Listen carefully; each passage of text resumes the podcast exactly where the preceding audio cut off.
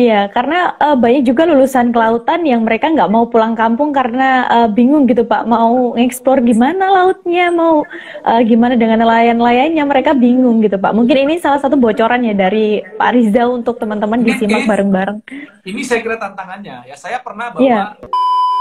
Oke, silahkan teman-teman untuk mengajak uh, teman-temannya untuk segera bergabung ya di uh, Instagram beritabaru.co karena tentunya materi pada malam hari ini amat sangat bermanfaat untuk uh, teman-teman terutama nih ya teman-teman yang punya uh, keluarga entah itu yang punya pekerjaan di bidang kelautan atau menjadi nelayan karena narasumber kita yang uh, kita undang pada malam hari ini nih amat sangat kompeten. Jadi uh, silahkan kalian ajak teman-teman kalian sebanyak mungkin ya untuk bisa bergabung dengan beritabaru.co. Selamat malam Bapak. Selamat malam. Iya Pak, suara saya sudah terdengar jelas Pak. Bagus banget, bagus banget. Oke mantap, suara Bapak juga terdengar. Tapi uh, Bapaknya kurang sedikit keras deh kayaknya Pak. Oh kurang keras ya? Bapaknya pakai headset apa enggak? Enggak ya? Saya enggak pakai, saya enggak pakai. Oke, okay, enggak pakai, enggak apa-apa ya Pak. Tapi udah jelas, saya udah jelas. Mungkin uh, teman-teman, kawan-kawan bisa ngasih komentar udah jelas apa belum kita berdua atau gimana gitu. Karena sebentar lagi kita bakalan mulai nih sama Pak Riza nih. Oke. Okay. Baik teman-teman, Assalamualaikum warahmatullahi wabarakatuh. Selamat malam kawan-kawan bercerita. Uh, malam ini kita kedatangan narasumber yang luar biasa, Bapak M. Riza Damanik PhD, selaku Ketua Umum Kesatuan Nelayan Tradisional Indonesia atau KNTI, dan Pak Riza ini juga saat ini menjabat sebagai staf khusus uh, Menteri Koperasi dan juga UMKM. Nah, tema pada malam hari ini adalah mewujudkan poros maritim dunia.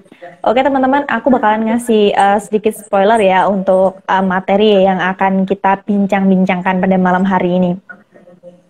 Istilah poros maritim dunia merupakan agenda pembangunan Indonesia yang dipopulerkan oleh Presiden Joko Widodo saat pertemuan East Asia Summit ke-9 di Nay Pyi Taw, Myanmar pada 13 November 2014. Saat itu Presiden Jokowi mengungkapkan jika pusat gravitasi geoekonomi dan geopolitik dunia sedang bergeser dari barat menuju Asia Timur, di mana 40 persen perdagangan dunia berada di sana. Bahkan Presiden Jokowi menawarkan lima pilar sebagai upaya untuk mewujudkan poros maritim dunia. Yang pertama itu membangun kembali budaya maritim. Kedua, menjaga dan mengelola sumber daya laut dengan fokus membangun kedaulatan pangan laut laut melalui pengembangan industri perikanan dengan menempatkan nelayan sebagai tiang utama. Tiga, mengembangkan infrastruktur dan konektivitas maritim dengan membangun tol laut, tipsi sport, logistik, industri perkapalan, dan pariwisata maritim. Yang keempat, mengembangkan diplomasi maritim dengan bersama-sama menghilangkan sumber konflik laut dan terakhir membangun kekuatan pertahanan maritim. Nah, lalu bagaimana prospek Indonesia sebagai poros maritim dunia menurut Ketua Umum Kesatuan Nelayan Tradisional Indonesia ini mari kita undang bersama ya uh, Bapak M. Riza Damanik PhD dalam forum bercerita malam hari ini berbagi cerita di balik berita. Oke, selamat malam Bapak. Malam, Oke, ini teman-teman, teman-teman udah banyak yang ya? bergabung. Ya. Alhamdulillah, semoga Bapak dan keluarga juga sehat. Ya. Oke, um, teman-teman nanti yang mau ber, apa, bertanya silahkan di kolom pertanyaan ini kalian uh, tanyakan. Nanti mungkin ketika bapaknya menyampaikan materi atau ada yang kurang jelas nanti bisa langsung kalian uh, sampaikan di kolom pertanyaan ya. Oke, terima kasih ya Bapak sudah berkenan hadir untuk menjadi narasumber. Malam-malam kami mengganggu ya Pak ya. Oke, uh, malam ini kita berbincang-bincang tentang poros maritim ini Pak. Um, sebuah istilah yang tentu sudah sangat akrab dengan jejak perjuangan uh, Pak Riza selama ini. Nah, menurut Pak Riza sendiri nih, apakah tawaran Presiden Joko Widodo terkait lima pilar sebagai upaya mewujudkan poros maritim dunia tersebut itu selaras dengan gagasan Anda yang tertuang dalam uh, buku berjudul Menggerakkan Poros Maritim, Pak? Ya, justru uh, saya pertama ingin ucapkan terima kasih nih ke Berita Baru ya, karena Iya. uh, buat uh, dialog yang uh, saya kira ini penting ya untuk kita semuanya, uh, termasuk teman-teman muda gitu. Ini saya Mm-mm. dengar ini udah edisi keberapa? Edisi 52 ya? 52 Pak, iya. 52. Saya kira uh, menarik dan semoga ini bisa terus uh, Amin. mengudara dan memberikan manfaat hasanah pengetahuan kepada uh, kita semua. Uh, saya ingin respon tadi pertanyaan tadi itu. Saya uh, uh, menurut saya ya memang gagasan Pak Jokowi itu uh, kontekstual gitu ya, tepat dengan dengan satu tentu uh, historis kita ya sebagai negara uh, kepulauan tropis yang besar gitu ya, uh, yang uh, punya sejarah panjang dalam uh, kalau bahkan jauh sebelum kemerdekaan Republik Indonesia itu ya kita punya uh, apa perhatian yang cukup besar sekali. Jadi antara laut dan manusia Indonesia itu sebenarnya nggak bisa dipisahkan gitu. Ya. Hmm. Uh, jadi sejarah bangsa kita itu dengan sejarah uh, pengelolaan laut itu sangat erat beririsan gitu ya. Uh, bahkan misalnya kita tahu uh, uh, kerajaan-kerajaan Nusantara pada masanya itu adalah pusat-pusat perdagangan dunia gitu ya. Dan Iya. dalam perkembangannya kita juga uh, apa mengikuti misalnya bagaimana para pendiri bangsa kita itu uh, pasca kemerdekaan khususnya misalnya kita lihat mendorong apa yang disebut dengan deklarasi Juanda. Ya Hmm. di mana kita berkepentingan untuk meletakkan laut di antara pulau-pulau kita itu adalah bagian dari kedaulatan bangsa kita misalnya begitu ya.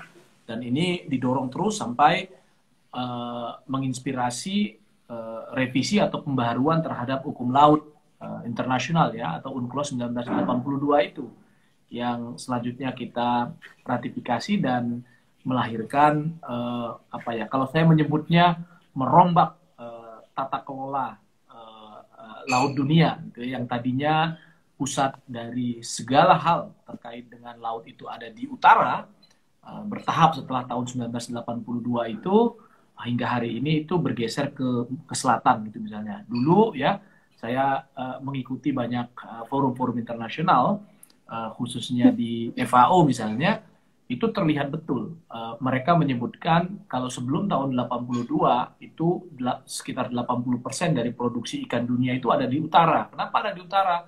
Karena di utara itu punya kapal yang cukup besar, punya pengetahuan uh, apa teknologi dan inovasi-inovasi terkait dengan uh, uh, apa kelautan yang cukup maju begitu sehingga mereka punya uh, apa namanya punya daya jelajah yang lebih luas begitu.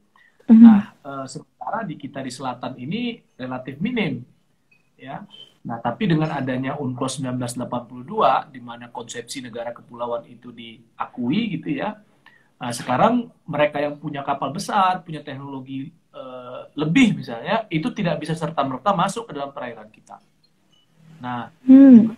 negara lain, ya, saya kira yang juga menikmati uh, di, di di selatan, ya, seperti uh, Filipina, Malaysia, ya, uh, Thailand, ya, dan seterusnya. Nah, inilah yang saya kira satu apa namanya satu kontribusi besar daripada para pendiri bangsa kita, para uh, apa pemimpin kita di masanya, mereka tidak hanya membebaskan ya bangsa kita, tapi juga memberikan inspirasi untuk merubah uh, apa uh, tata kelola ya tata kelola dari uh, sumber daya alam di antara utara dan selatan pada masa itu.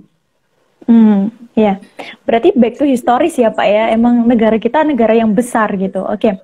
Em, kalau deklarasi Nusantara ini Pak yang digaungkan oleh Perdana Menteri eh, Insinyur Juanda pada tanggal 13 Desember 1957 itu merupakan tonggak dari pengakuan dunia internasional terhadap kedaulatan wilayah perairan Indonesia menjadi 3,1 juta kilometer persegi dengan luas laut ZEE 2,7 juta kilometer persegi, panjang pantai 81 ribu kilometer. Nah, bagaimana pendapat Bapak terkait deklarasi Nusantara itu Pak dalam uh, konteks kekinian? Apakah masih relevan ya Pak atau sudah banyak terjadi perubahan-perubahan gitu?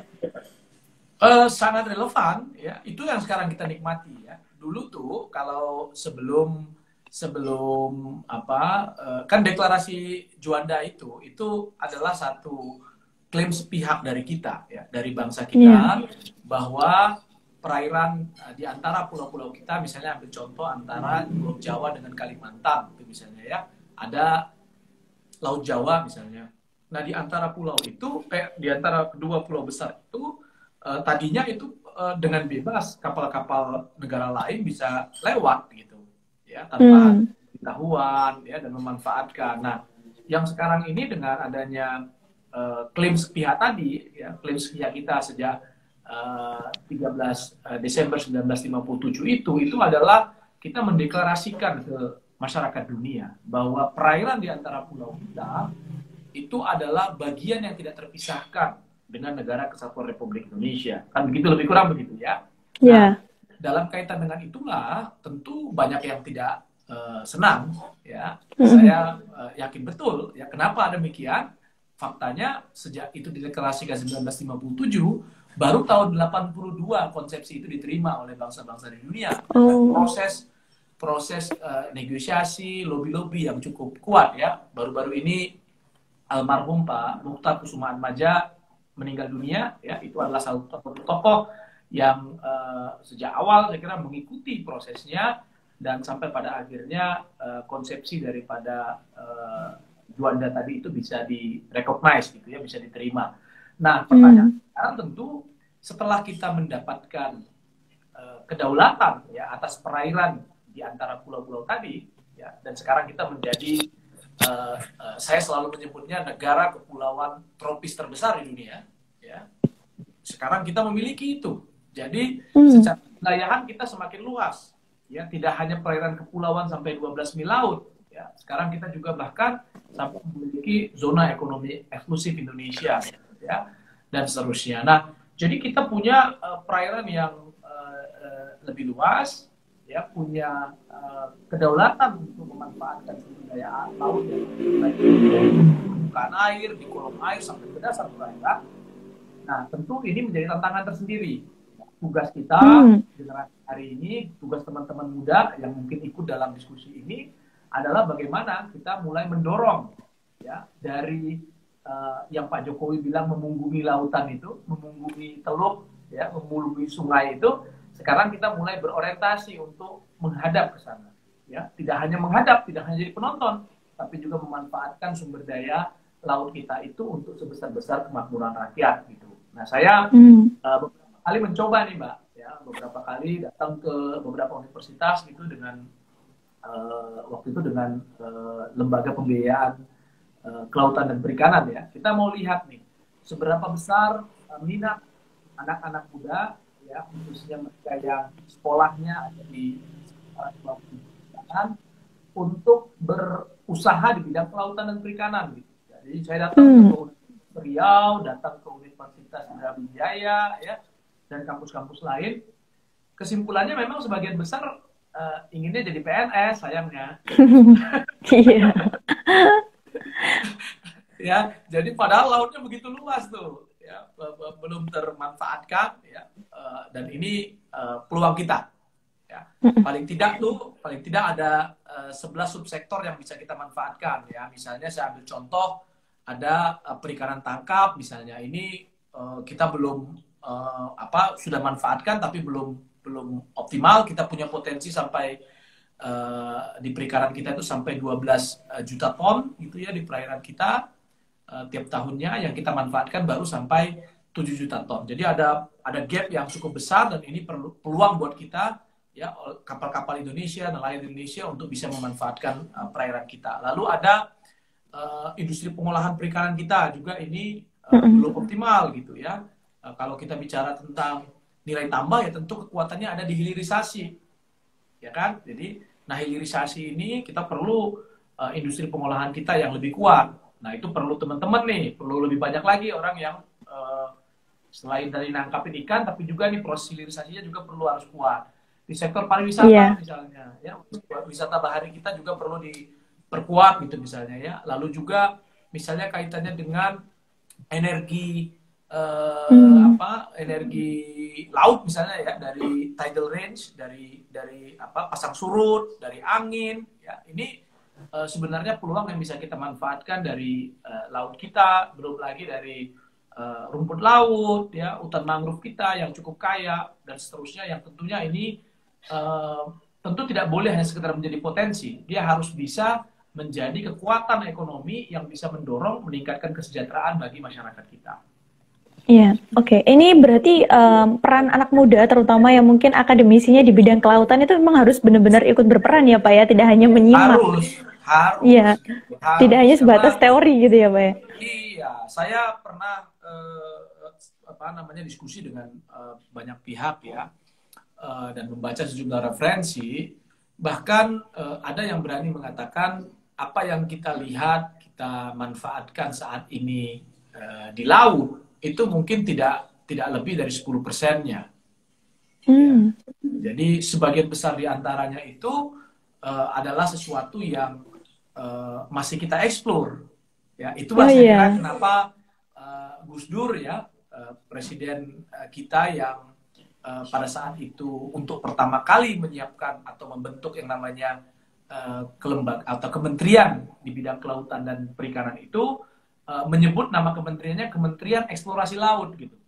Ya, supaya karena memang masih masih perlu dieksplor nih. Masih eksplor ya, Pak. Yang yang yang belum termanfaatkan gitu ya. Jadi nah sekarang uh, tentu komitmen kita harus tinggi nih. Ya, teman-teman muda ya kawan-kawan yang uh, uh, apa namanya uh, apakah itu di bidang kelautan, perikanan, ekonomi, hukum gitu ya. Ini dan lain-lain sebagainya. Ini harus kita harus turun bersama-sama nih memanfaatkan potensi kelautan kita yang besar itu sehingga ini bisa uh, menjadi modalitas ya uh, menciptakan lapangan pekerjaan ya memastikan terpenuhinya kebutuhan pangan misalnya ya ini saya uh, kasih bocoran nih mbak yeah. untuk pangan misalnya ya kita itu adalah satu dari sedikit negara yang konsumsi, konsumsi protein hewaninya itu sudah lebih dari 52% dari ikan. Mm. Ya, jadi sebagian besar protein hewani kita itu adalah ikan. Ikan. Gak banyak negara yang punya uh, apa namanya punya uh, uh, uh, apa uh, uh, kondisi semacam ini dan kita punya hmm. peluang itu. Nah, sekarang uh, pertanyaan tentunya adalah bagaimana uh, kita bisa satu memastikan uh, pemenuhan kebutuhan pangan bagi setiap warga negara kita itu ya itu ter tercukupin. Itu satu. Tercukupin. Ya tercukupin. Ini kan penduduk terus bertambah ya Eh, konsumsi terus tumbuh ya dulu tahun 1998 yeah. ya saat reformasi itu konsumsi ikan kita itu baru 18 per 18 kg per kapita per tahun. Mm. Nah sekarang itu konsumsi ikan kita itu sudah 50 kg per kapita per tahun. Coba tuh naiknya udah lebih dari tiga kali. Sangat lipat. drastis ya pak ya? Sangat drastis. Nah kalau konsumsinya tumbuh itu kan berarti perlu ada uh, effort lebih untuk memastikan uh, apa uh, uh, volume penangkapan ikan kita itu ya itu juga uh, meningkat.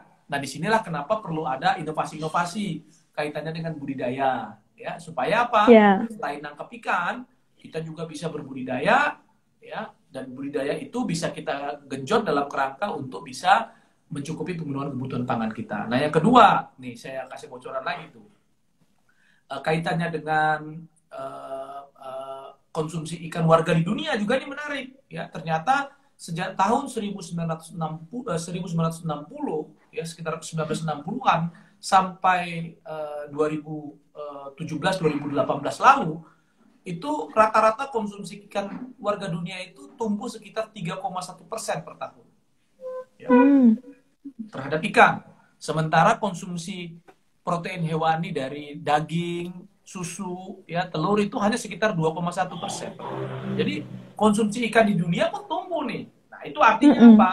Juga akan menjadi peluang bagi kita ya untuk menggerakkan industri perikanan nasional kita itu juga bisa mengakses tuh pasar-pasar yang potensial sehingga satu sisi di dalam negeri ikan kita bisa uh, membuat ya anak-anak Indonesia lebih cerdas, lebih sehat, lebih kuat ya.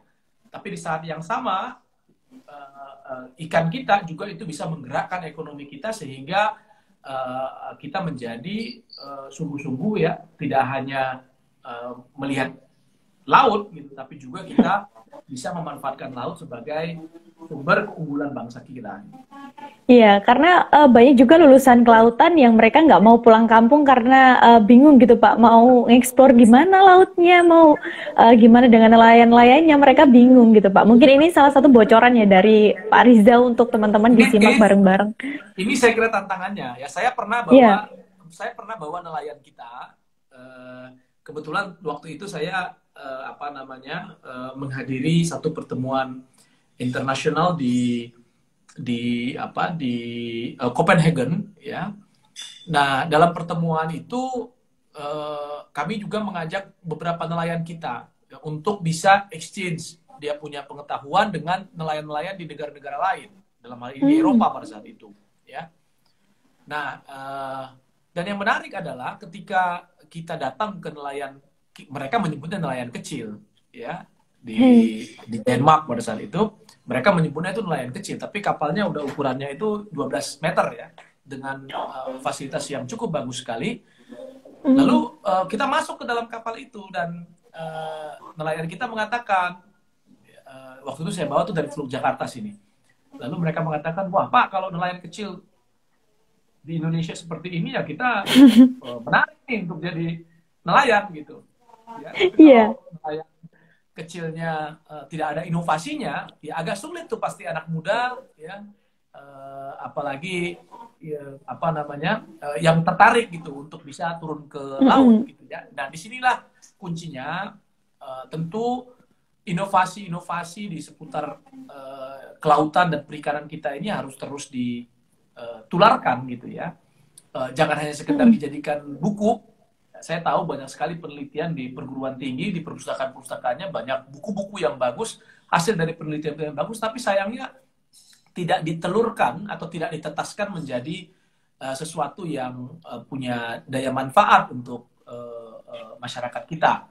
Uh, hmm. Dua pekan lalu saya datang ke datang ke Jawa Barat ya, lihat satu uh, uh, satu uh, inovasi tentang tentang uh, apa karamba jaring apung. Ya, jadi ini uh, keramba jaring apung untuk diletakkan di tengah laut. Nah, uh, teknologi semacam ini yang cukup maju itu kan Norwegia. Ya, hmm. Norwegia itu uh, ekonominya sekarang ditopang oleh dominan ditopang oleh yang namanya ikan salmon. Ya. Hmm. Nah, tapi yang mereka kerjakan sejak lama itu tidak hanya soal ikannya, tapi bagaimana uh, budidaya itu mereka menjadi advance secara total, termasuk teknologi tentang jaringnya, ya uh, dan seterusnya. Nah, uh, uh, kita relatif tertinggal. Nah, sekitar satu dua pekan lalu saat, saya datang ke Jawa Barat, saya melihat satu uh, perusahaan uh, karamba jaring apung yang ini 100% anak Indonesia yang mengelolanya dan menarik sekali ternyata uh, sekarang mereka tidak hanya uh, apa namanya kita tidak hanya uh, mengimpor uh, jaring ya, tapi sudah ada uh, apa uh, uh, orang Indonesia ya anak muda Indonesia yang sudah menghasilkan jaring apung yang bahkan secara teknologinya itu sudah di apa namanya sudah diekspor. Ya mereka sudah diekspor ke uh, apa Cina ya ke uh, India ke Bangladesh ya dan seterusnya dan seterusnya yang uh, menurut saya ini menarik sekali ya. Karena kita artinya kita sudah bisa uh, apa tidak lagi sekedar menjadi konsumen dalam kerangka untuk memanfaatkan teknologi di sekitar perikanan misalnya tapi juga kita anak bangsa kita sudah bisa uh, ber, menghasilkan ya uh, inovasi-inovasi inovasi justru diterima oleh negara-negara lain. Iya. Uh, tadi Bapak juga sedikit membahas tentang uh, buku-buku sebelum-sebelumnya yang mungkin nggak ditularkan gitu ya Pak ya. Uh, flashback ke belakang, uh, kita mendapati dua buku Bapak yang banyak dikutip pada masa lalu yaitu Gerak Mundur ke Lautan Kita Pak dan Menjala Ikan Terakhir. Nah, secara tersirat dan tersurat, uh, Bapak mencoba untuk menggambarkan betapa besar masalah di sektor kelautan dan perikanan Indonesia. Apakah benar seperti itu Pak? Ya, saya uh, riset waktu itu ya dengan sejumlah teman dalam upaya untuk melihat uh, atau mendeteksi sejak dini ya uh, krisis ikan Indonesia. Ya, hmm. ada beberapa gejala yang kami temukan atau laporan-laporan yang saya dapatkan misalnya di Kepulauan Riau ya ikan kurau itu yang biasa itu ikan ekonomi mahal yang uh, apa sangat diburu oleh nelayan-nelayan kita gitu. Dan ternyata ukurannya semakin kecil. Hmm. lalu semakin sulit untuk didapatkan. Misalnya itu salah satunya ya. Jadi ada satu indikator itu. Yang kedua kalau kita lihat misalnya uh, konflik perikanan yang terjadi di perairan kita khususnya di bawah 12 mil laut itu pada masa itu ya pada saat saya studi itu sangat intens ya uh, kejadiannya gitu itu menunjukkan adanya uh, apa uh, sumber daya yang sangat terbatas di saat yang sama nelayannya uh, cukup banyak sehingga terjadi perebutan sumber daya gitu. hmm. indikasi yang ke uh, dua. Nah, yang ketiga juga ternyata sejumlah spesies ikan dari sejumlah wilayah itu dilaporkan tidak ditemukan kembali, gitu misalnya. Ambillah contoh misalnya nih, ya misalnya di perairan Selat Bali itu ada uh, dulu sepenuhnya yang kita sebut dengan uh, apa ya namanya itu ya ikan lemuru ya di Selat Bali itu menjadi menjadi modalitas uh, uh, bangkitnya industri pengalengan ikan antara Bali dan uh, Jawa Timur gitu ya. Jadi kalau di Selat Bali itu dulu banyak ikan lemuru sehingga mereka hmm. membangun industri pengalengan ikan ya yang di mana bahan bakunya adalah ikan lemuru itu ada di uh, Bali uh, yang ke arah Pulau Jawa ya lalu uh, uh, di uh, Jawa Timur ya yang khususnya yang berdekatan dengan Bali itu ada ada uh, cukup kuat tuh uh, industri hmm. perikanan di sana. Nah, uh, namun yang terjadi adalah ternyata ikan itu sudah sulit ditemukan. Ya. Ini uh, itulah kenapa uh, ada impor kaleng tuh, ya, impor hmm. uh, uh, ikan uh, uh, untuk bahan baku ikan kaleng. Nah, tadinya kita mengandalkan ikan lemuru yang ada di Selat Bali. Nah, dari indikator-indikator itulah kami uh, itu menjadi pertanyaan ya, menjadi apa namanya yeah. kegelisahan kita. Ini ada apa nih? Kenapa bisa begini? Nah, kita coba untuk lakukan studi model pada saat itu. Saya lupa malah tahun berapa saya tulis, tapi uh, uh, intinya. Tahun berapa Pak studi risetnya itu Pak? Saya lupa. lupa. Lupa saya ya. Yang jelas tuh saya terlalu lama. Saya ingat tuh sedikit ada sejak 2000 sejak 2000 mungkin 2003 2004 ya sejak 2004 hmm. tuh ada setiap tahunnya ada satu buku saya tulis oh, dengan okay. teman-teman ya uh, dari studi-studi tahunan gitu jadi setiap tahun satu satu. Sekarang udah nggak sempat lagi nulis. Jadi saya saya banyak kerjaan ya pak? jadi saya ingin bilang bahwa uh, studi itu kira-kira menyimpulkan kalau tidak ada perubahan ya dalam tata kelola sumber daya perikanan kita ya dalam upaya untuk memastikan uh, nelayan-nelayan kita terlindungi ya nelayan-nelayan kecil hmm. kita nelayan-nelayan tradisional kita terlindungi aksesnya terhadap sumber daya perikanan. Kalau tidak ada perubahan dalam kaitannya dengan uh, perlindungan laut kita atas pencemaran ya uh, yeah. dan seterusnya kalau tidak ada uh, perubahan dalam kerangka untuk memastikan laut kita tidak dijarah oleh pencuri-pencuri ikan misalnya, uh, lalu juga uh, tidak ada upaya untuk mendorong atau insentif lebih untuk mendorong kapal-kapal uh, ikan kita itu bisa uh, semakin apa namanya uh, semangat lah ya dalam yeah. sumber daya ikan. Nah kita khawatir ini justru akan uh, berdampak pada krisis ikan Indonesia. Nah Benar sekali. krisis ikan Indonesia itu uh, efeknya tentu bisa ke mana-mana gitu ya. Yang paling mm -hmm. dekat tentunya adalah akses masyarakat kita terhadap sumber protein. Ya, itu yang paling dekat tuh.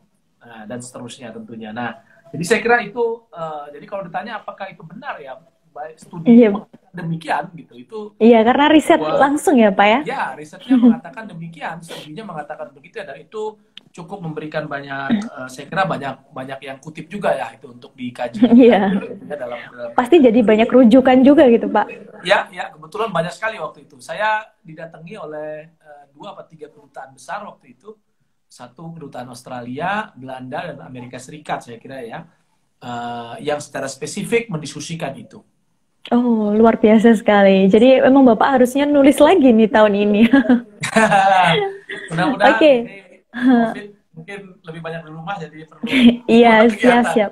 Kita tunggu tulisan Bapak. Oke, Pak. Eh, dalam catatan kami nih, Pak Riza pernah menjadi bagian dari kantor staf presiden, asisten staf khusus presiden, dan saat ini juga sebagai staf khusus Menteri Koperasi dan UMKM ya, Pak. Nah, setelah Pak Riza di dalam sistem nih, Pak, apakah masalah-masalah sektor kelautan dan perikanan tersebut eh, udah mulai ditangani oleh pemerin- pemerintah, Pak? Eh, seberapa besar kira-kira eh, perubahannya gitu, Pak? Ya, jadi eh, tentu kalau yang ngukur ya tentu eh, eh, dari luar ya supaya Iya. objektif gitu. Tapi saya ingin bilang begini bahwa eh, apa kelautan dan perikanan kita ini kan punya eh, kompleksitas ya sesuatu yang bertahun-tahun eh, kalau saya boleh mengatakannya sih tidak diurus dengan serius gitu ya. Bahkan berpuluh-puluh tahun ya Eh, indikasinya cukup banyak sekali itu. Eh, satu di antaranya yang paling faktual adalah misalnya kenapa di sepanjang pesisir dan pulau-pulau kecil kita itu justru menjadi eh, kantung-kantung kemiskinan misalnya ya. Iya. Padahal kebetulan saya belajar eh, di eh, ilmu kelautan gitu ya bahwa daerah yang paling kaya sumber daya alamnya yang paling beragam ya itu adalah di pesisir dan pulau-pulau kecil kita ya jadi harusnya di situ menjadi pusat dari kesejahteraan karena di situlah eh, Malah kemiskinan ya Pak ya yang ada. dari pusat kemiskinan itu, kan uh, paradoks gitu. Nah Iya. inilah yang kita ingin sasar sebenarnya. Nah saya ingin memberikan indikator-indikator yang agak lebih bisa terukur ya dalam kerangka untuk uh, melihat sampai di mana kita ini.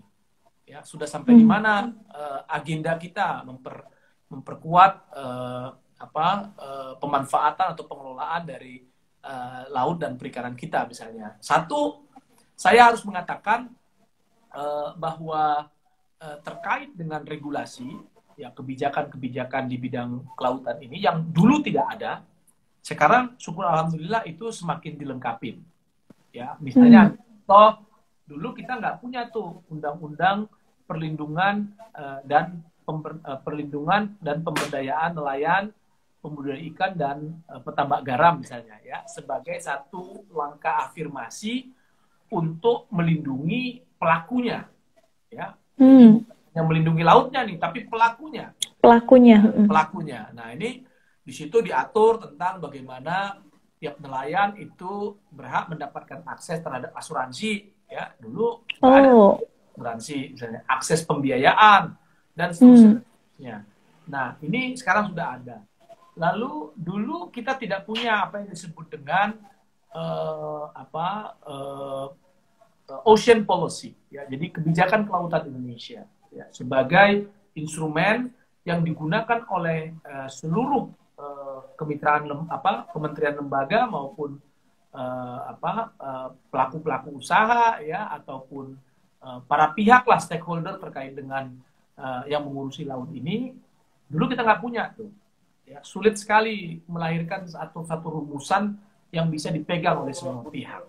Nah, Hmm. alhamdulillah sekarang kita sudah punya eh, apa yang disebut dengan kebijakan kelautan Indonesia atau eh, di dunia biasa disebut dengan sebagai ocean policy itu.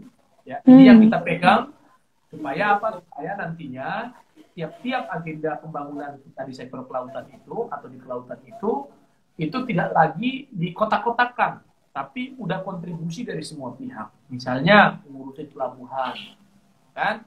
Kalau hanya diharapkan urusin pelabuhan itu hanya urusan ngebangun pelabuhannya, ya itu pasti dibiarin hanya urusannya si eh, PUPR atau urusan PUPR. di eh, perhubungan misalnya ya. Padahal di pelabuhan itu ada urusannya dengan eh, eh, apa eh, industrinya sendiri. Ya, misalnya ambil contoh apa komoditi yang akan unggulan yang akan didorong ya dalam kerangka untuk menggerakkan ekonomi di sekitar kita sehingga pelabuhan tadi tidak sepi misalnya gitu ya. Bagaimana kaitannya juga dengan uh, transportasinya ya. Hmm. uh, dari pelabuhan ke sentra-sentra usaha rakyat misalnya dan seterusnya dan seterusnya. Nah ini kan uh, uh, nggak bisa lagi dilihat sebagai sesuatu yang parsial, tapi harus diletakkan yeah. sebagai agenda uh, bersama. Dan syukur alhamdulillah sekarang kita sudah ada uh, kebijakan kelautan Indonesia itu yang uh, tahun ini saya dengar tadi uh, sedang dalam proses pembaharuan. Jadi itu setiap lima tahun dievaluasi, disempurnakan, dan sekarang adalah uh, tahun kelimanya dan uh, sedang diperbaharui lagi sehingga nanti kita harapkan ini menjadi lebih lebih presisi. Nah ini dalam konteks kebijakan ya. Nah yeah. kalau kita bicara dalam konteks uh, transportasi laut misalnya, tentu uh, tentu kita sudah ada tuh yang tol laut ya. Belum semua perairan kita, tapi saya melihat ya kalau tadi orientasi armada laut kita lebih banyak di barat Indonesia, nah sekarang uh, sudah mulai meluas ke timur Indonesia. Rapat terakhir yang saya ikuti uh, uh, justru akan didorong nanti mungkin akan ada semacam uh, hub lah gitu ya untuk uh, perikanan rakyat di timur Indonesia yang mungkin di tiga titik gitu yang nanti diharapkan itu bisa menjadi memastikan agar kapal yang pergi ke timur ya itu nanti uh, uh, dan pulang dari timur ya atau sebaliknya itu tetap berisi jadi mungkin perginya hmm. bawa membawa apa gitu ya hasil-hasil pertanian, pulangnya mungkin bisa membawa hasil perikanan dan sebagainya. Nah, model semacam hmm. Ini ya bukan yang baru. Ya, kalau saya baca buku Pak Afiat, marhum, ya, uh, antropolog maritim dari Universitas Indonesia, uh, uh, dalam bukunya itu kelihatan betul tuh bagaimana uh, dulu ya kerajaan-kerajaan Nusantara itu melakukan transaksi itu antar pulau, antara di hmm dengan Sulawesi, dengan Papua, Sumatera, Jawa gitu ya. Ada hubungan perdagangan yang pada intinya dalam itu adalah menukarkan kelebihan-kelebihan. Jadi hmm. uh, uh, misalnya di daerah uh, Maluku rempah-rempahnya kuat gitu ya, rempah-rempahnya itu sebagian ditukarkan untuk mendapatkan sesuatu yang tidak dimiliki oleh mereka, kan gitu lebih kurang. Nah, nah yeah model semacam inilah saya kira yang uh, dalam perkembangannya itu tergerus ya karena hmm. ada pada masa itu segala sesuatunya kan memang berpusat di Pulau Jawa. Iya. Yeah.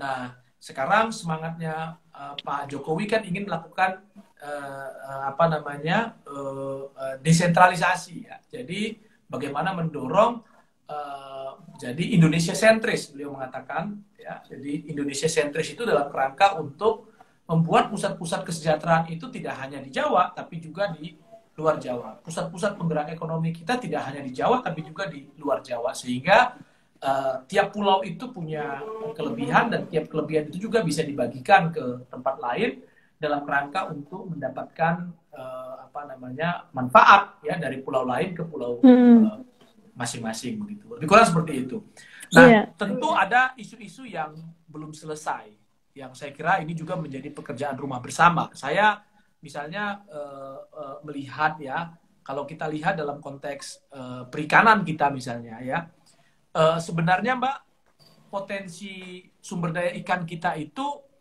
60 persen itu ada di uh, uh, timur Indonesia, ya, mm. sekitar 60 persen dari potensi perikanan kita itu ada di uh, timur Indonesia. Tapi uh, sayangnya ya uh, 59% dari armada ikan kita itu justru ada di barat. Di barat. Oh. Barat ya. Lalu pelabuhan perikanan kita pun sekitar 69% atau hampir 70% itu justru ada di barat. Di barat. Nah, jadi saya mau bilang nih ada yang tidak sinkron nih ya hmm. antara potensi yang ada ya ikan yang banyak di timur dengan tapi fasilitas yang ada gitu ya pak iya iya berpuluh tahun itu berpusat di barat kapalnya oh. di barat industri pengolahannya ya di Jawa jadi barat oh, iya. ikannya di sana gitu nah itulah yang menyebabkan uh, tidak mengherankan misalnya kalau kita lihat data terbaru di tahun 2019 ini ya 64% dari pemanfaatan ikan kita ya di barat hanya 36% yang ikan dimanfaatkan di timur Indonesia. Di timur. Dari total 7 juta ton ikan yang kita manfaatkan ya di tahun 2019 Iya. Nah, ini kan agak paradoks gitu ya. Iya. Paradoks. Nah, harusnya memang eh, karena ikannya banyak di barat, ya, infrastruktur yang mendukung sektor perikanan kita harusnya ada di barat, ada, harus ada sorry, ada di timur ya. Timur. Infrastruktur terkait dengan eh, perikanan kita itu harus dilengkapi di timur Indonesia. Industri pengolahannya harus didekatkan di timur Indonesia. Ya, sentra-sentra eh, apa namanya perikanannya harus ada di timur Indonesia. Nelayan-nelayan di timur Indonesia harus diberikan dukungan eh, untuk mendapatkan Diberdayakan ya, Pak ya? Armada-armada yang baik, kapal-kapal yang memadai. gitu. Sehingga apa? Sehingga ekonomi kita itu bisa sungguh-sungguh uh, tumbuh gitu. Uh, perikanan ini betul-betul menjadi penggerak ekonomi nasional kita, menjadi instrumen kesejahteraan juga sekaligus juga pemerataan dari ekonomi kita. Gitu. Iya. Ini yang saya kira uh, ini pekerjaan besar yang harus dilakukan itu tidak cukup saat ini, tapi uh, saya kira prosesnya sedang dimulai menuju ke arah sana. Uh, saya tahu di Kementerian Kelautan dan Perikanan juga sedang didorong uh, bagaimana sentra-sentra uh, akan dibangun atau akan didorong adanya sentra-sentra perikanan di timur Indonesia dalam rangka untuk memastikan uh, apa uh, kegiatan perikanan kita ini tidak justru menjadi uh, apa ya menjadi menjadi tanda petik ya uang keluar tapi justru menjadi uang masuk gitu loh. Ya Iya, iya, sekarang benar. kan banyak yang nanya tuh kenapa tiap tahun dikeluarkan 6 triliun atau bahkan 7 triliun APBN untuk sektor perikanan dan kelautan misalnya tapi uh, pendapatan negara bukan pajaknya hanya sekitar 400-500 miliar gitu. Lebih kurang begitu kan tuh sering ada uh, apa uh, diskusi atau debat semacam itu gitu. Uh, saya ingin mengatakan bahwa uh, yaitu bisa kita gunakan untuk motivasi memacu ya uh, apa namanya atau me- me- melakukan koreksi terhadap cara kita mengelola sektor perikanan ya. Saya mengutip apa yang dikatakan oleh uh, Sekjen FAO uh, pada tahun 2000 uh, 2016 apa 17 itu ya pada saat uh, uh, apa konferensi tahunan perikanan di FAO kebetulan saya hadir. Lalu uh, Pak apa uh, Gra- Graziano da Silva ya uh, orang Brazil yang menjadi sekjen FAO pada saat itu. Beliau mengatakan bahwa uh, ada yang salah dalam uh, strategi uh, uh, dunia dalam mengatasi kemiskinan dan kelaparan. Hmm. 20 tahun kita mengatasi kelaparan dan kemiskinan, tapi hasilnya justru angka kemiskinan dan kelaparan bertambah. Iya. Nah, dari hasil refleksinya, ya, dia mengatakan bahwa eh, kita harus melakukan koreksi. Kalau kita ingin mendorong eh, peningkatan kesejahteraan, mengentaskan kemiskinan, ya, memberikan lapangan pekerjaan yang besar, maka yang harus kita lakukan adalah meningkatkan kesejahteraan nelayan eh, maupun petani kita. Gitu. Jadi cara membacanya sudah harus berubah nih. Ya, kalau kita Hmm. ingin memastikan sum- eh, s- eh, pangan kita tercukupi, ya, kesejahteraan masyarakat kita menjadi lebih baik, gitu ya. eh, lalu juga lapangan pekerjaan tercipta dengan luas, maka seluruh hal mendasar untuk memastikan nelayan kita sejahtera itu harus kita penuhi. Itu eh, apa apa namanya eh, eh, eh, eh, koreksi lah terhadap eh, model eh, mengatasi kemiskinan kelaparan yang terjadi berpuluh-puluh tahun yang disampaikan Di dunia ya, Pak ya? Silva ya. Dan saya kira kita menuju ke arah sana karena di tahun 2000 2014 yang lalu di saat disepakati apa yang disebut dengan eh, apa namanya eh, SSF ya, jadi eh, instrumen perlindungan nelayan skala kecil ya itu satu instrumen dunia untuk perlindungan terhadap nelayan kecil. Eh, sekarang kita punya yang namanya Undang-Undang Perlindungan Nelayan. Hmm. Saya Baru ya, Pak, ya? Bahwa Indonesia itu eh, adalah negara yang cukup advance ya, Hmm. dalam merespon perkembangan eh, upaya memberikan perlindungan terhadap nelayan tadi dalam regulasi. Ya. Nah sekarang tentu tantangannya adalah bagaimana implementasinya. Iya. Bagaimana implementasinya? Saya melihat dalam kerangka untuk implementasi ini tentu banyak isu di situ. Ya, ambil contoh tadi itu ya yang saya sebutkan. Kalau kita mau mendorong sektor ini uh, tumbuh dengan baik, ya, menjadi uh, agent of development, menjadi uh, agen dari pemerataan, gitu ya, maka uh, orientasi pembangunannya harus mulai melihat timur dengan benar, mm. ya. Jadi harus mulai memberikan uh, apa namanya perhatian ya Pak, perhatian khusus. Ya, Indonesia sentris yang disampaikan oleh Pak Jokowi itu harus harus sungguh-sungguh dijalankan ya sehingga nantinya uh, kita akan melihat eh, pusat-pusat uh, kesejahteraan itu ya kemakmuran itu akan tumbuh uh, di di seluruh tempat di Indonesia gitu misalnya itu yang satu yang kedua kita juga harus mulai melihat nih bahwa uh, uh, urusan kita menjaga sumber daya laut ini kan uh, harus juga diimbangi dengan mendorong uh, ekonominya gitu ya. Jadi jangan sampai kita ingin menjaga laut dari pencuri ikan gitu ya, tapi di saat yang sama kita nonton gitu. Ya.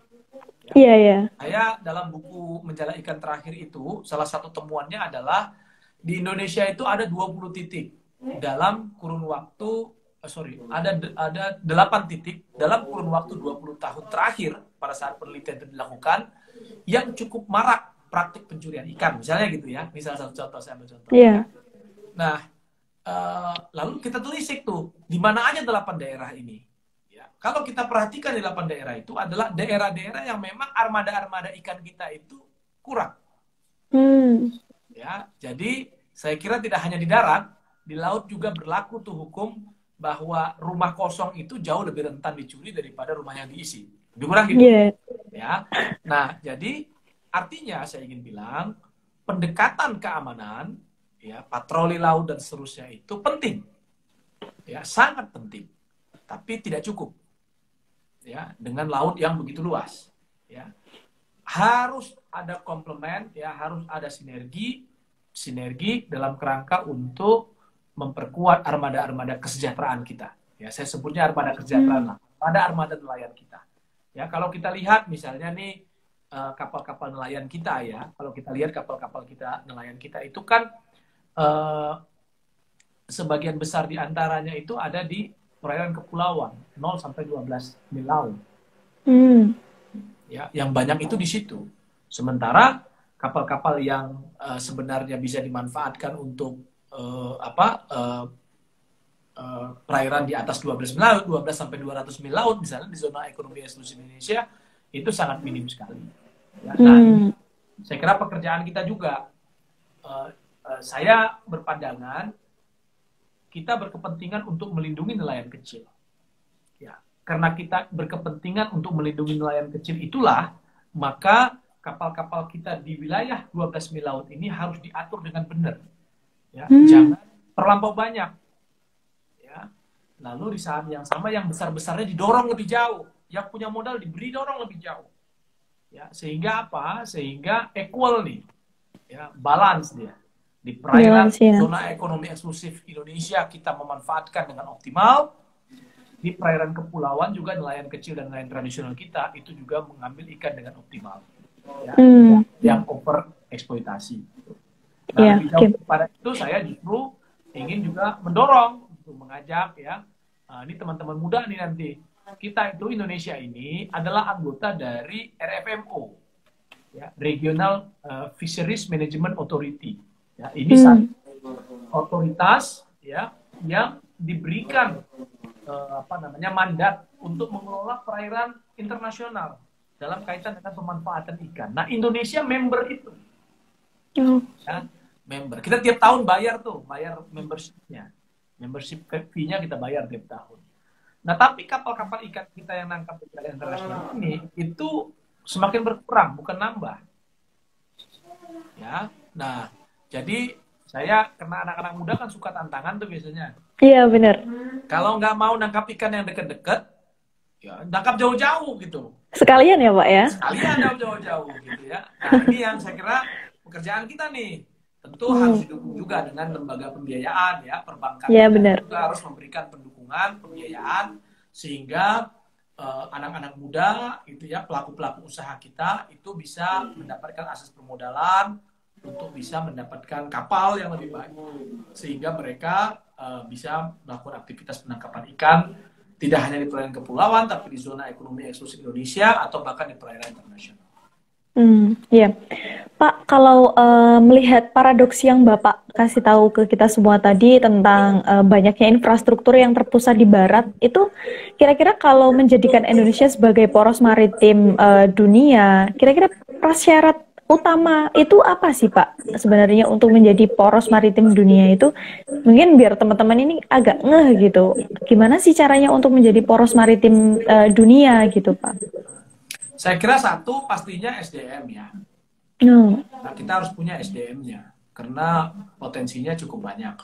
Yang kedua kebijakannya aturan mainnya ya regulasinya. Nah ini yang saya katakan tadi dalam kaitan dengan undang-undang kita alhamdulillah itu semakin baik dalam konteks kebijakan ya.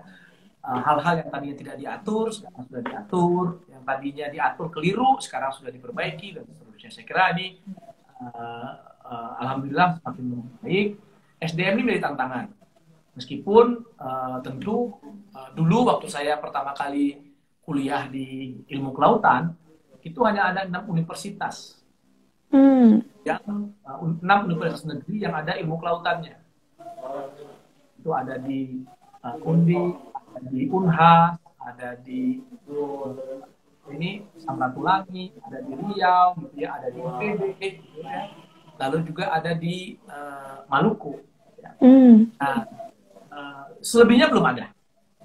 Ya. Nah, alhamdulillah sekarang saya dengar laporan terakhir itu sudah lebih dari 50 universitas. Universitas. Ya, yang memiliki uh, ilmu kelautan misalnya begitu hmm. ya ini uh, mengindikasikan bahwa uh, apa namanya komitmen uh, kita juga dalam kerangka untuk melahirkan SDM SDM unggul di bidang kelautan ini juga semakin tinggi ya hmm. uh, balai perikanan kita juga semakin uh, kuat gitu saya kira ini uh, apa namanya harapan lah buat kita untuk bisa kembang gitu ya hanya saja tadi saya pernah tes yang saya sebutkan tadi itu, kalau mahasiswanya ditanyain ya lebih banyak ingin jadi pegawai negeri daripada jadi berwirausaha. Gitu ya. Iya Pak, nah, yang, kayaknya semua jurusan seperti itu ya Pak ya. nah itu ya yang kedua gitu. Yang ketiga, jadi tadi pertama itu uh, peraturannya yang mendukung, yang kedua SDM-nya mendukung, yang ketiga tentu sumber dayanya, sumber daya hmm. alamnya ya. Jadi ini harus kita jaga ya jadi uh, uh, indeks kesehatan laut kita itu kan masih rendah ya jadi kita perlu tingkatkan supaya uh, uh, sustainability dalam kerangka untuk mengelola sumber daya laut kita ini betul-betul dijaga gitu ya kita hmm. punya pengalaman uh, tidak begitu baik dalam pemanfaatan sumber daya darat hmm. ya darat itu kita bisa lihat tuh bagaimana pusat-pusat uh, uh, yang kaya sumber daya alam di dalam itu justru menjadi uh, apa namanya uh, rentan dengan uh, terjadinya longsor gitu ya, kemiskinan dan seterusnya. Nah ini kan kita tidak mau hal yang serupa terjadi di laut kita. Ya. Yeah. Kita lahan-lahan produktif kita itu semakin menyempit gitu ya, uh, yang di pertanian ya. Nah dan seterusnya. Nah kita punya masa depan di laut Nah, tentu karena masa depan kita laut, cara kita mengelolanya ya harus uh, berbeda dengan cara kita mengelola di darat. Ya, uh, jangan lagi kita sekedar uh, ngopi gitu, ya, bukan sekedar memindahkan pola eksploitasinya dari darat ke laut gitu. Kalau itu terjadi celaka. Ya, yeah. kita perlu sadari bahwa yang kita punya hari ini untuk menyelamatkan masa depan kita, anak cucu kita, generasi mendatang itu adalah di laut. Ya, maka hmm. kita harus mengelolanya dengan cara yang arif dan bijaksana. Nah, ini sumber daya alamnya harus kita tahu. Nah, yang keempat adalah tentu uh, modalitas kita dalam rangka untuk apa namanya uh, inovasi dan teknologi. Ini juga uh, penting karena penting, ya, Pak. Uh, penting sekali gitu ya. Saya kebetulan uh, juga pernah mengikuti uh, namanya riset uh, apa uh, Arlindo ya arus laut Indonesia misalnya ya bersama dengan sejumlah negara Prancis, Australia, Belanda waktu itu dan Indonesia tentunya di perairan Indonesia untuk melihat bagaimana uh, potensi uh, uh, laut kita ya. Laut Hmm. dan ya. Dulu waktu itu kita me- memeriksa ada dua uh, dua jalur lintasan. Satu itu di Selat Liv Matola dan satu lagi di Selat Makassar ya. Uh, Liv Matola di Maluku Utara sana satu lagi di di Makassar Selat Makassar misalnya. Nah uh, kita menurunkan apa tuh namanya tali ya dari baja itu ke kedalaman laut lebih dari 1000 meter pada saat itu ya. Hmm. lalu mengambil sampel data-data yang ada ya mulai dari arus laut suhu ya kedalaman salinitas ya. Lalu juga lihat eh, dan seterusnya dan seterusnya ya.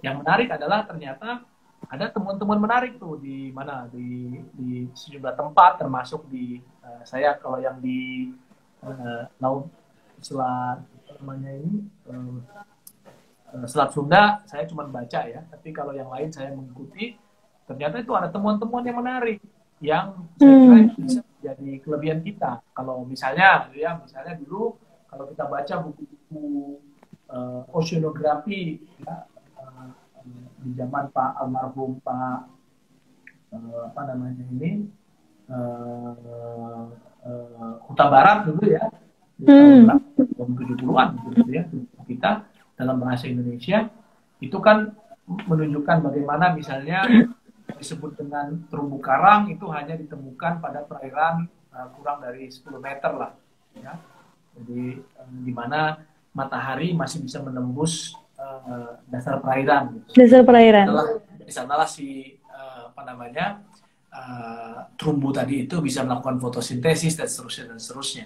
Nah dalam penelitian atau dalam uh, rekaman yang dilakukan oleh uh, penelitian yang saya sebutkan tadi justru menemukan pada kedalaman yang uh, gelap sekalipun gitu ya. Sangat jauh ya, Pak, ya? Uh, sangat jauh, sangat dalam sekali ya yang sudah sangat gelap gitu itu justru terjadi justru masih ada yang ditemukan ada ditemukan hewannya ada ditemukan uh, tumbuhannya misalnya begitu ya nah ini kan satu Iya. temuan baru yang tentunya itu bisa uh, memberikan apa penelitian-penelitian lanjutan yang menantang kita misalnya uh, ada uh, saya lihat tuh ada produk misalnya air sehat dari laut dalam misalnya Seribu, Katanya seribu meter.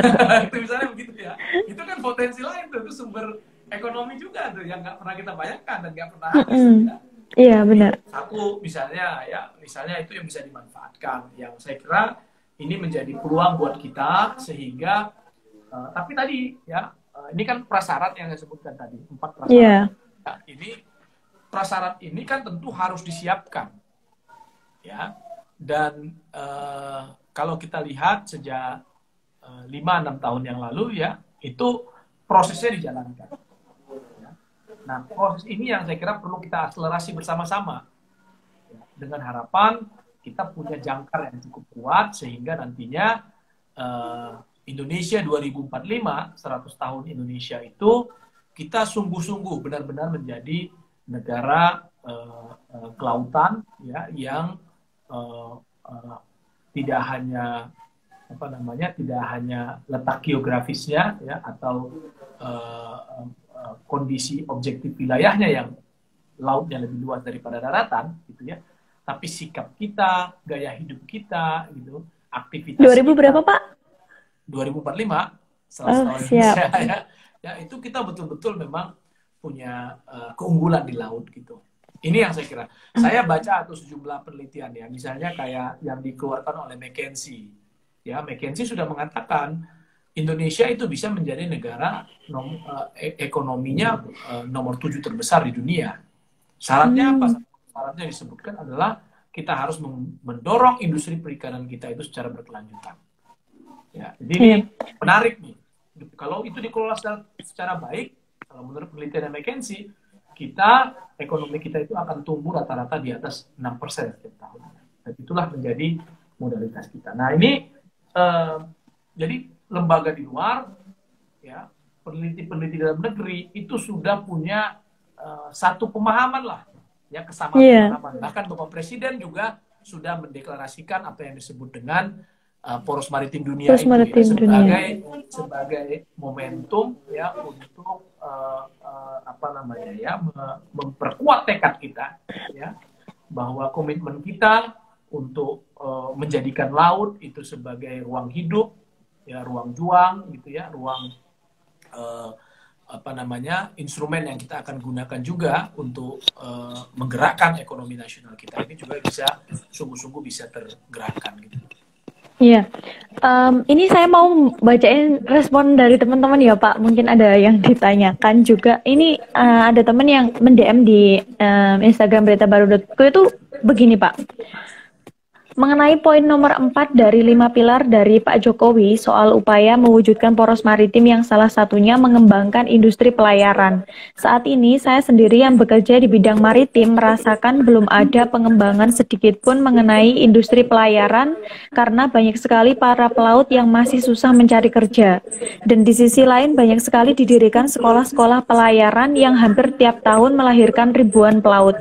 Kalau tiap tahun kita mencetak ribuan pelaut sedangkan pemerintah belum belum uh, meningkatkan upaya untuk pengembangan industri pelayaran seperti menambah armada dan lain-lain, bagaimana bisa terwujud keinginan menjadikan Indonesia itu sebagai poros maritim dunia jika sumber daya di bidang laut seperti nelayan dan pelaut masih susah mencari pekerjaan. Bahkan banyak pula industri pelayaran dalam negeri yang mempekerjakan tenaga asing daripada orang pribumi sendiri minta solusinya gitu Pak. Ya, saya kira tadi itu yang saya sampaikan ya bahwa uh, itu jadi apa kalau kita lihat ya misalnya saya ambil contoh tadi saya sebutkan kita punya uh, perairan kita ini kan uh, kalau di perikanan ya ambil contoh kapal di bawah 30 GT itu kan itu sampai 12 mil laut ya jadi yeah. izinnya izin daerah gitulah ya yang di atas 30 gross ton itu izinnya pusat ya berarti dia 12 mil laut ke atas gitu. ya. Hmm. nah kalau kita lihat dari data yang ada itu justru menunjukkan kapal-kapal ikan kita itu lebih banyak di perairan kepulauan di bawah 12 mil laut tadi yang saya sebutkan. Yeah. Ya, dan ini tentu menjadi uh, apa namanya? menjadi uh, satu sisi tentu itu tantangan kita ya.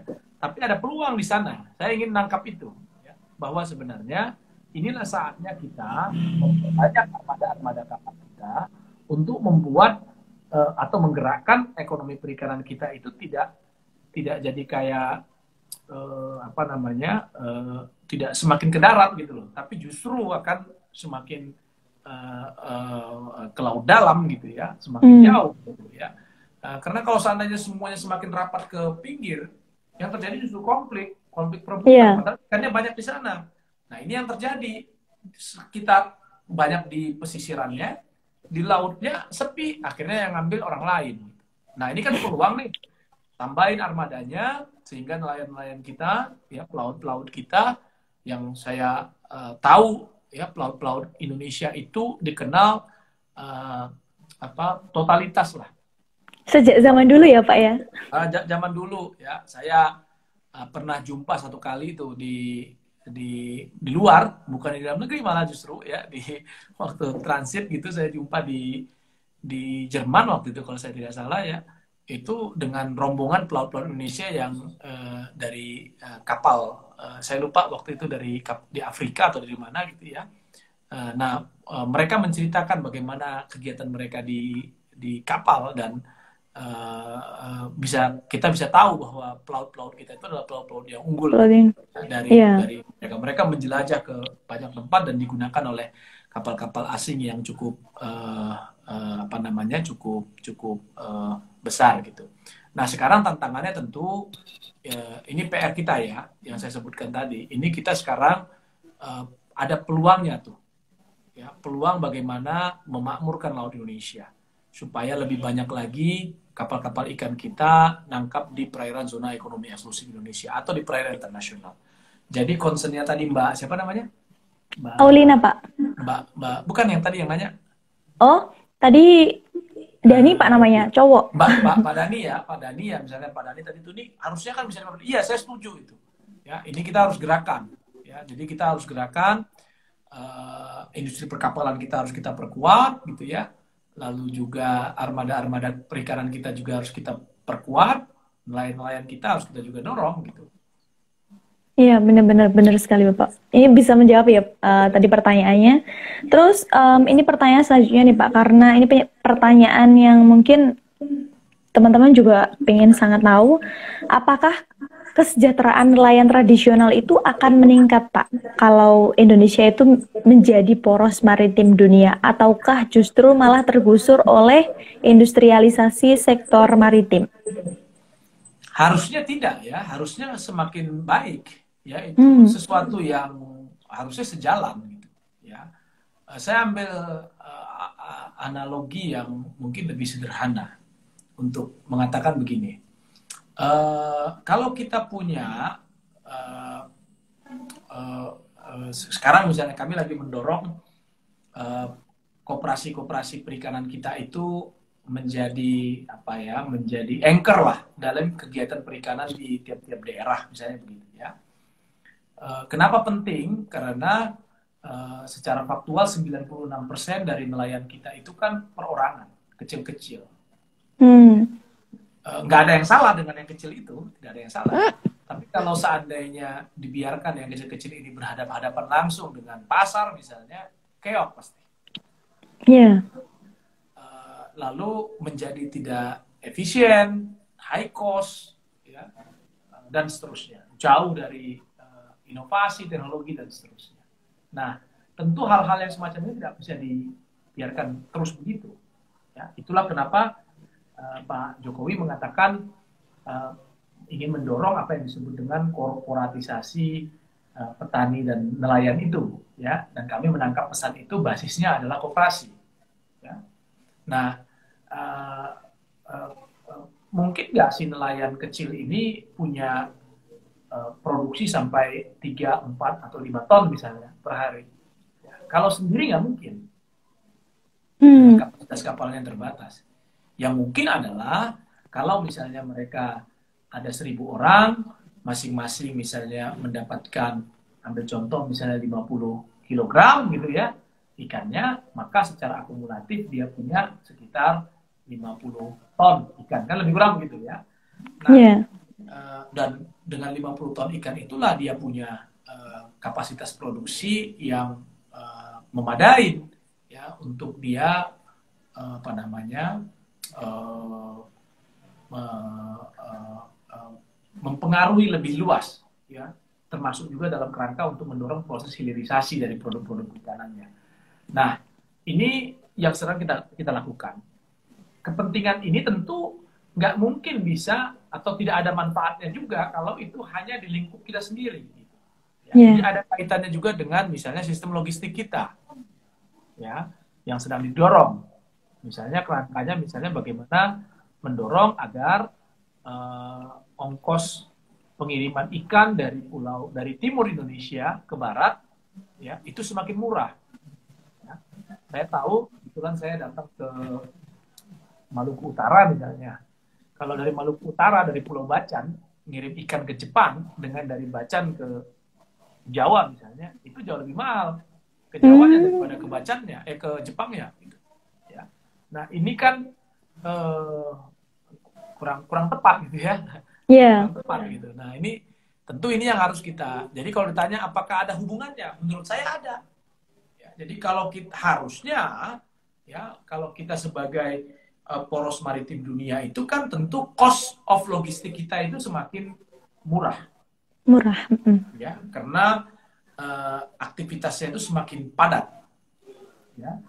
Uh, dan itu menggambarkan ekonomi rakyat yang semakin teragregasi, ya, semakin terkonsolidasi. Ya. Dan itu yang akan menopang aktivitas ekonomi kita di laut itu sendiri. Jadi saya membayangkan uh, poros maritim dunia itu ya salah satu indikator pencapaiannya ya adalah kesejahteraan lain itu sendiri gitu. Iya. Yeah. seperti saya sampaikan tadi, bahkan ya Sekjen FAO sudah mengatakan jauh-jauh hari ya bahwa salah satu kegagalan ya bangsa-bangsa di dunia dalam mengatasi kemiskinan dan kelaparan itu adalah karena dia tidak menempatkan nelayan dan petani itu sebagai subjek daripada uh, uh, upaya mengentaskan kemiskinan dan kelaparan itu sendiri. Makanya dia hmm. mengatakan kalau kita ingin mendorong uh, apa cara baru kita mengatasi kemiskinan kelaparan adalah meningkatkan kesejahteraan petani dan nelayan kan gitu lebih kurang. Iya, yeah, iya. Yeah. Saya sih lihatnya itu si poros maritim ini adalah satu agenda uh, besar, ya, uh, visi besar uh, yang mengoperasionalisasi cita-cita bangsa kita, cita-cita pendiri bangsa kita, sehingga dia tidak sekedar menjadi uh, apa namanya uh, ide, ya, tapi justru menjadi uh, instrumen operasional ya yang bisa menggerakkan uh, uh, apa namanya ekonomi ekonomi. kita, ya sehingga tadi cita-cita kesejahteraan pemerataan yeah. ya uh, uh, industrialisasi nasional di sektor perikanan kelautan kita ini bisa tumbuh yang selama ini terbelakang. Benar, oke. Okay.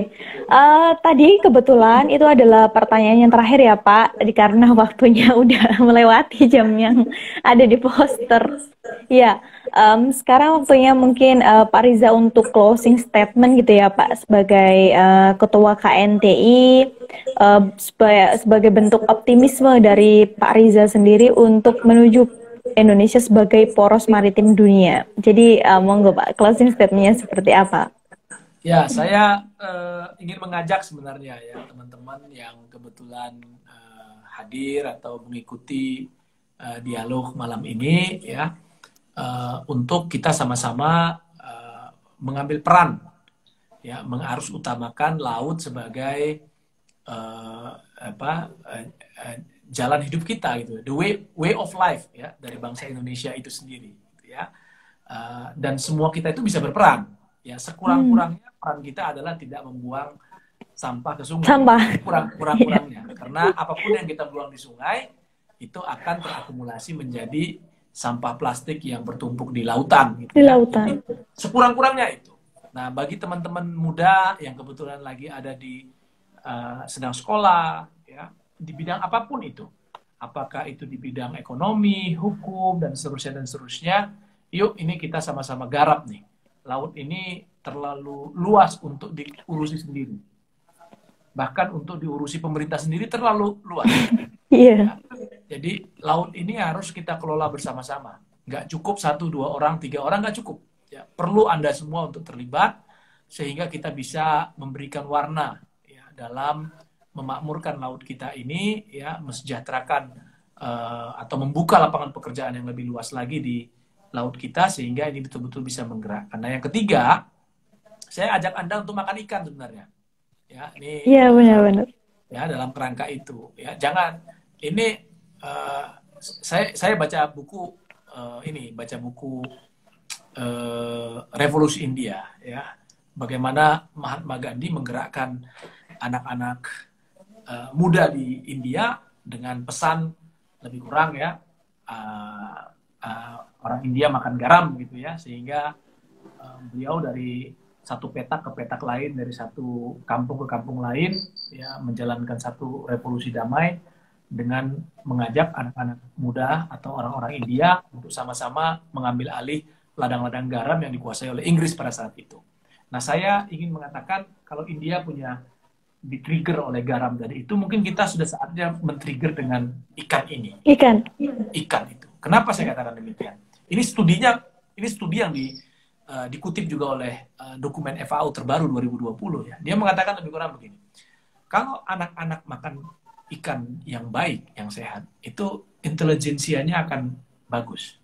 Hmm. Kalau hamil makan ikan, itu janinnya akan sehat, ya, bayinya juga akan lebih sehat. Yang ketiga, kalau orang tua yang usianya di atas 50 tahun makan ikan, itu dia akan terhindar dari sakit jantung koroner. Lebih kurang begitu. Oh. Nah, bagaimana besarnya manfaat ikan bagi pengaruh. Ya, nah kita beruntung kita punya itu. Ya, Indonesia punya itu. Kita punya ikan itu. Ya, di saat orang kesulitan untuk mendapatkan sumber protein hewani, kita punya ikan. Ya, yang uh, bisa dikatakan sehat gitu ya. Nah, ikan ini harus kita lihat satu sebagai sumber pangan kita, tapi juga sebagai uh, keunggulan domestik kita. Ya, keunggulan domestik kita yang uh, tidak dimiliki oleh negara-negara di dunia. Ya. Hmm. Kanada itu 60% ekspor perikanannya itu dari lobster. Ya, lobster. Uh, Norwegia itu dari salmon. Hmm. Thailand itu udang. Vietnam itu udang, tilapia, ya dan seterusnya. Nah, apa yang saya sebutkan tadi itu semuanya ada di Indonesia. Benar-benar ya. Pak. Kita punya semua itu, ya. Ya salmon lah yang kita tidak punya, tapi yang mirip salmon kita punya, gitu ya. kita hampir punya semuanya di laut kita, yang disebut dengan sebagai komoditi-komoditi yang mahal itu. Udangnya, tunanya kita punya semua. Nah, tinggal sekarang kesungguhan kita saja, ya. Kalau kita uh, turun bersama-sama, uh, saya tahu kalau anak-anak muda kan sukanya ada inovasi, ada teknologinya. Ya sekarang sudah ada tuh, saya lihat tuh si Farid ya, Aruna ya, bagaimana sekarang mereka sudah punya aplikasi untuk menjual ikan, menyambungkan nelayan di Kalimantan dengan pasar di luar negeri, dengan pasar di Jakarta, dengan lain sebagainya itu dengan digital. Ya. Nah, saya membayangkan ya semangat kita mendorong digitalisasi ya. Pak Jokowi juga mendorong menyampaikan dalam banyak kesempatan target kita di tahun 2024 nanti itu setidaknya 30 juta daripada pelaku usaha kita itu masuk ke dalam uh, apa ekosistem digital gitu ya. Memanfaatkan uh, apa namanya ekosistem ini untuk meningkatkan uh, produktivitas ya uh, penghasilannya pendapatannya gitu. Nah uh, ini juga harus kita manfaatkan. Ruang ini harus kita manfaatkan ya. Jadi perikanan ini harus dimanfaatkan sehingga dengan ini anak-anak bisa turun ya. Kalau yang sepuh-sepuh kalau pakai-pakai digitalisasi ini kan udah ya pusing lah. Udah bingung ya Pak.